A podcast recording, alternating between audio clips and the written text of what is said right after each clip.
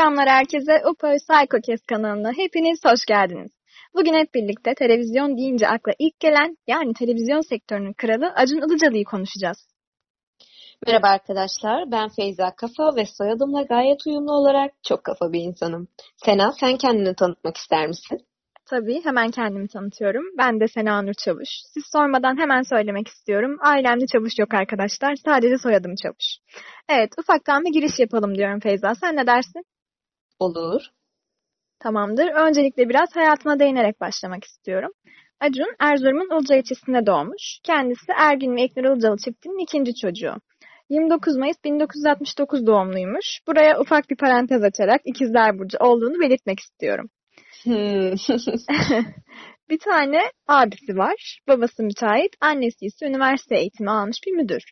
Acun eğitim hayatına 5 yaşında başlamış. İstanbul Üniversitesi'ne İngilizce öğretmenliği bölümünü kazanmış. Ancak 7 yılın sonunda mezun olamadan okulu bitirmiştir. Yani daha doğrusu bitirememiştir. Yani ben olsam 5. yıldan sonra bu işi yapamam deyip bırakırdım herhalde. Gururumla bitirirdim bu işi diyorsun. Kesinlikle öyle. Vay be! 7 yıl okumuş ve de mezun olamamış. Ancak şu anda vergi rekortmeni. Umudumuzu kaybetmemeliyiz arkadaşlar. Kesinlikle öyle. Sana katılıyorum. Acun Ilıcalı'nın hayatını bireysel psikoloji kapsamında inceleyeceğiz. Bireysel psikolojiyle incelememizin nedeni Türk kültürüne uyarlanabilir olmasıdır ve bireysel psikoloji, psikanalitik kuramın aksine bireyin güçlü yanlarına odaklanır. Bu yönüyle pozitif psikolojinin temelini de oluşturur. Birazdan Acun Ilıcalı'nın hayatından bahsettiğimizde de anlayacağımız gibi bu kurama göre bireyin kişiliği ailesiyle oluşur. Ancak bulunduğu çevre ve bireysel özellikleriyle de şekillenir. Bu kuramın diğer kuramlardan en belirgin farkı doğum sırasının kişiliğe olan vurgusu ve kültürel dinamiklerin etkisini anlamaya çalışmasıdır. Freud gibi Adler de bireyin çocukluk yaşantılarının yetişkinlik döneminde nasıl bir insan olacağını belirlediğini savunur. Acun Ilıcalı bir röportajında çocukluğundan şu şekilde bahseder. Çok yaramaz bir çocuktum. Tam bir sokak çocuğu. Sigara içmeye ilkokul 5. sınıfta başladım. Düşünün işte. Acayip bir şeydim. Benden iki yaş büyük Ömer adında bir ağabeyim var. O okul birincisi, örnek bir çocuk. Edirne'de İtalyan lisesini kazanan tek öğrenciydi. Ailem için ben de onun kadar başarılı olmalıydım. Oo, burada bir kardeş kıskançlığı sezdim ben. Aynı şekilde ben de öyle. Ben burada kendime biraz öz eleştiri yapacak olursam 11 yaşında sigaraya başlamasına ön yargılı yaklaşırdım. Bir psikolojik danışman adayı olarak böyle yapmamam gerektiğini farkına vardım. Ve de Acun Ilıcalı'nın hayatındaki bazı şeylerin kendime uygun olduğunu düşünüyorum. E, fakirlik yönünden değil tabii. evet. Ben de ailede büyük çocuğum ve akademik hayatım konusunda kardeşimden daha sorumlu ve başarılıyım. Kardeşim bu konuda biraz zorluk yaşıyor. Liseye yerleştirme süreci vesaire sancılı geçti. Kardeşim için umudumu kaybetmemem gerektiğini düşünüyorum. Senin bu konudaki yaşantın nedir ikinci konuş ikinci çocuk olarak? Ee, evet ben de Acun gibi ortanca çocuğum ve düşündüğümde büyük kardeşimin akademik başarısı benden daha yüksek ve daha başarılı diyebilirim. Bu noktada Acun'u anlayabiliyorum aslında ama ne olursa olsun yine de 5. sınıfta sigaraya başlamamıştım ben. Hatta hiç başlamadım. Bence de gayet iyi yapmışsın başlamamakla. Teşekkür ederim. Senin de bildiğin gibi Sena, Adler daha çok doğum, doğum sırasına önem vermesiyle ön plana çıkar. Ona göre ikinci çocuklar şımarma lüksüne sahip değildir. Farkı kapatmak için sürekli olarak büyük kardeşe yetişme çabası içerisindedir. Bu yüzden güçlü üstünlük çabasına girer ve bu da doğal olarak başarıyı beraberinde getirir. Yani kendin için umudu asla kaybetme. Evet bir gün belki ben de Acun Ilıcalı gibi bir vergi rekortmeni olurum. Umudumu kaybetmiyorum. Acun'un yaşamına baktığımızda da başarısının sebeplerinden birinin abisine yetişme hırsı olduğu söylenebilir. Sen ne dersin? Evet kesinlikle öyle ve bu hırs onu bugünkü Acun Ilıcalı haline getirmiş. Bu çok önemli bir detay bence. Bence de. İkinci çocukların özelliklerinden biraz daha bahsedecek olursak, ikinci çocuklar sürekli ilgi arayışı içerisinde olduklarından sık sık değişik aktivitelere başvururlar. Bu nedenle devrimci ve yenilikçidir. Ailenin tutumunu ve davranışını değiştirenler ikinci çocuklardır. İkinci çocuk olarak bu konu hakkında sen ne dersin? Ee, çoğunlukla katılıyorum. Galiba biz ikinci çocuklar kuralları çok çabuk kabul edemiyoruz. Ee, daha çok değiştirme veya kuralları çiğneme modundayız. Bence bizim kendi doğrularımız var. Ah siz asi ikinci çocuklar. Galiba biraz öyleyiz. İkinci çocukların hayal güçleri daha geniştir. Büyük kardeşi yetişmek için hırs yaparlar. Bu özellikler bakımından Acun Ilıcalı'nın hayatına baktığımızda da meslek hayatında hırslı ve dinamik olduğunu söyleyebiliriz. Yaptığı röportajlarında da ailesini ve çalışma arkadaşlarını sürekli yeniliğe yönelttiğini söyler. Adler'e göre hepimiz aşağılık duygusuyla doğarız ve aşağılık duygularımızla başa çıkmak için gösterdiğimiz çabanın başlangıcı üstünlük çabasıdır. Yaşamdaki güdülenmenin de temel amacı üstünlük çabasıdır. Acun Ilıcalı okul döneminde öğretmeniyle ve derslerle çok fazla sorun yaşayan bir çocuktur. Okulda kendini var edemeyen Ilıcalı kendisini ticaretle var etmeye çalışmıştır. Yıllar içerisinde hep farklı sektörlere girip çıkmıştır. Bir zamanlar kot dükkanı açıp batırdığını dile getiren Ilıcalı, ailesinden kalan her şeyin son kuruşuna kadar harcadığını belirtir. Ilıcalı'nın çalışma azmi ve farkında olmadığı üstünlük çabası ile şu anda bir TV kanalı vardır. Sena, sen ne söylemek istersin bu söylediklerim hakkında?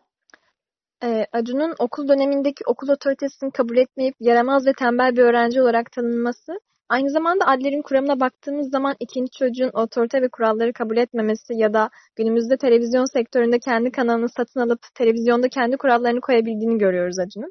Ve hatta televizyon dünyasını hükmetmeye başladığını söylesek de abartmış olmayız bence. Yani Acun aslında otoritesini kendi belirleyen ve kural koyan kişinin yine kendi olduğunu görüyoruz.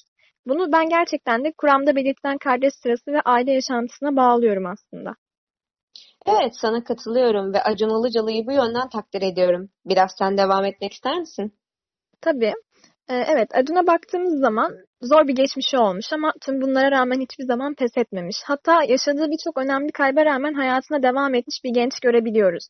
Bu yüzden takdir edilmesi gereken ve gençlerin örnek alması gereken bir insan. Daha sonra ilerleyen zamanlarda kendisiyle bir röportaj yapılmış ve röportajında şöyle söylemiş. Ailemi trafik kazasında kaybedip sonrasında ilk eşimden boşanınca bende ipler tamamen koptu.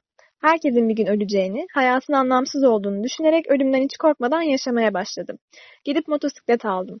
Daha sonra büyük bir kaza geçirdim Bağdat Caddesi'nde. Bir araba soldan gelip çarptı. Arkamda da yakın arkadaşım vardı.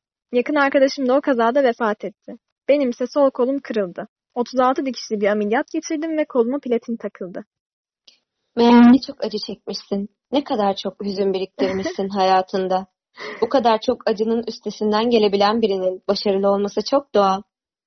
Çok manidar ve çok güzel bir taklit oldu. Tebrik ediyorum Teşekkür seni. Teşekkür ederim. Devam ediyorum. Adler sadece geçmiş olaylar üzerinde yoğunlaşmamış, kişinin geçmiş algısı ve bu algılamanın da devam eden etkisiyle ilgilenmiştir ve buna da yaşam stili adını vermiştir. Yani Acun'un aslında geçmişte yaşadığı olayları günümüzde de izlerini taşıyabileceğini söylüyor. Ve yaşam stilinin de geçmişteki olayların devam ettirdiğini söylüyor. E, Acun'un yaşam stilinin de aslında bu kayıpların oluşturduğunu ve o dönem hayatını etkileyen trafik kazalarını da yaşamına çektiği çıkarımında bulunabiliyoruz. Ki Acun'un yaşamına göz attığımızda gerçekten şaşırıyoruz. Çünkü Acun annesini, babasını, dedesini, babaannesini ve en yakın arkadaşlarını trafik kazaları sonucunda kaybetmiş. Düşündüğümüz zaman çok büyük bir acıyı defalarca kez yaşamak gibi. Gerçekten çok ağır. Gerçekten. Ama Acun Ilıcalı'nın yine de anne babası ve çok sevdiğini belirttiği babaanne dedesini kaybettikten sonra motosiklet alması, sonucu ne olursa olsun kafasına göre yaşamakta ısrarcı olduğunu söyleyebilir miyiz? Kesinlikle sana katılıyorum. İşte hayatı her zaman kendi kurallarına göre yaşayan yaramaz bir çocuk da olduğu için bunca kazaya rağmen yine uslanmamış ve motosiklet almış ve onunla da kaza yapmış. Aslında kafasına göre yaşamakta ısrarcı oluşunun olumlu yönü olarak bugün çok güzel bir yerde oluşunu söyleyebiliriz. Ama olumsuz yönü olarak da bu trafik kazasını söyleyebiliriz. Sen ne dersin? Evet bence de öyle. Bunu da şu şekilde toparlayabilirim. E, kariyerinde bu durumu onu kesinlikle şu anki Acun Ilıcalı haline getirmiştir. Ama özel hayatı konusunda çok da başarılı bir özellik olmamış. Kesinlikle öyle. Devam ediyorum. Yaşadığı acılardan sonra Acun Ilıcalı yaşam hedefini televizyon sektöründe en iyilerden olmak olarak belirlemiştir. Sırasıyla Survivor, Var mısın yok musun, Yeteneksizsiniz Türkiye, O Ses Türkiye adlı yarışmaların yapımcılığını ve sunuculuğunu yaparak bu hedefine emin adımlarla ilerlemiş, sunuculuğu ve yapımcılığı yaşam tarzı haline getirmiştir. Acun Ilıcalı çok sevdiğini, işini çok sevdiğini belirterek Adler'e göre bireyin mutluluğu için ön koşul olarak gördüğü ait olma hissini sunuculuğuyla yaşamıştır. Sen ne dersin? Kesinlikle katılıyorum. Yani kim bilir yaşadığı bunca kayıptan sonra kendini içinde bulunduğu hayata ait hissedememiş olması çok normal ve kendini de kariyerine vermiş. Ve de orada aidiyet duygusu oluştuğu için kendini gerçekleştirebilen bir insan oldu belki de. Aynen öyle. Kısaca anlattıklarımızı özetleyecek olursak, Adler'e göre 0-6 yaş anılarının kişilik üzerinde önemli bir etkisi vardır. Ancak ilk 6 yıl ne kadar etkili olursa olsun, ona göre asıl olan bu yaşadıklarını nasıl yorumladığıdır. Acun Ilıcalı da bu yaşantılarını iyi yorumlamış ve üstünlük çabasına dayanarak kendini mesleğinde var etmiştir. Doğum sırası bakımından Ilıcalı'nın hayatına baktığımızda sırasının özelliklerini taşımaktadır. Hırslıdır, yenilikçidir, girişimci ruhludur. Birçok mesleği deneyimlemiş olması da girişimci olduğunu tasdikler. Sosyal ilgi kavramı Acun Ilıcalı'nın hayatında inceleyecek olursak da 2005 yılında vergi rekortmeni olması ve Show TV'nin 81 il 81 okul adlı sosyal sorumluluk projesinde yer alıp programda 3 milyon 725 bin 563 TL yardım toplanması ve de bunun gibi birçok yardım kampanyasında bulunmasıyla bu yönden kendini kanıtlamıştır. İstersen biraz sen devam et. Tabii. E, ayrıca Acun Ilıcalı'nın olumsuz yaşantıları yaşam stili üzerinde önemli izlerle kendisini gösteriyor. Ancak her şeye rağmen hayata tutunan Acun, sunuculuk ve yapımcılık mesleğiyle yaşam tarzını oluşturmuş. İçine duyduğu sevgisine ait olma hissini yaşamıştır. Karakter tipolojisine bakıldığı zaman Acun'un sosyal olarak faydalı tip yansıttığını görüyoruz. Sunuculuk yaşam hedefinin yerine geçiren Acun Ilıcalı, bir sonraki yaşam hedefi olarak da İngiltere'den bir kulüp satın alıp bu kulübü yönetmek istediğini belirtiyor. Ne dersin? Sence yapar mı? Bence yapar. Kesinlikle yapar. Kariyerinde bu kadar güzel başarılar elde etmiş bir insanın kulüp işini başaramaması için hiçbir neden yok. Kesinlikle öyle. Bireysel psikoloji bakış açısı ile Acun Ilıcalı'nın hayatı hakkında ne eklemek istersin? Ee, şöyle, zaten Adler ve Freud ilk 6 yılın öneminde hemfikirler.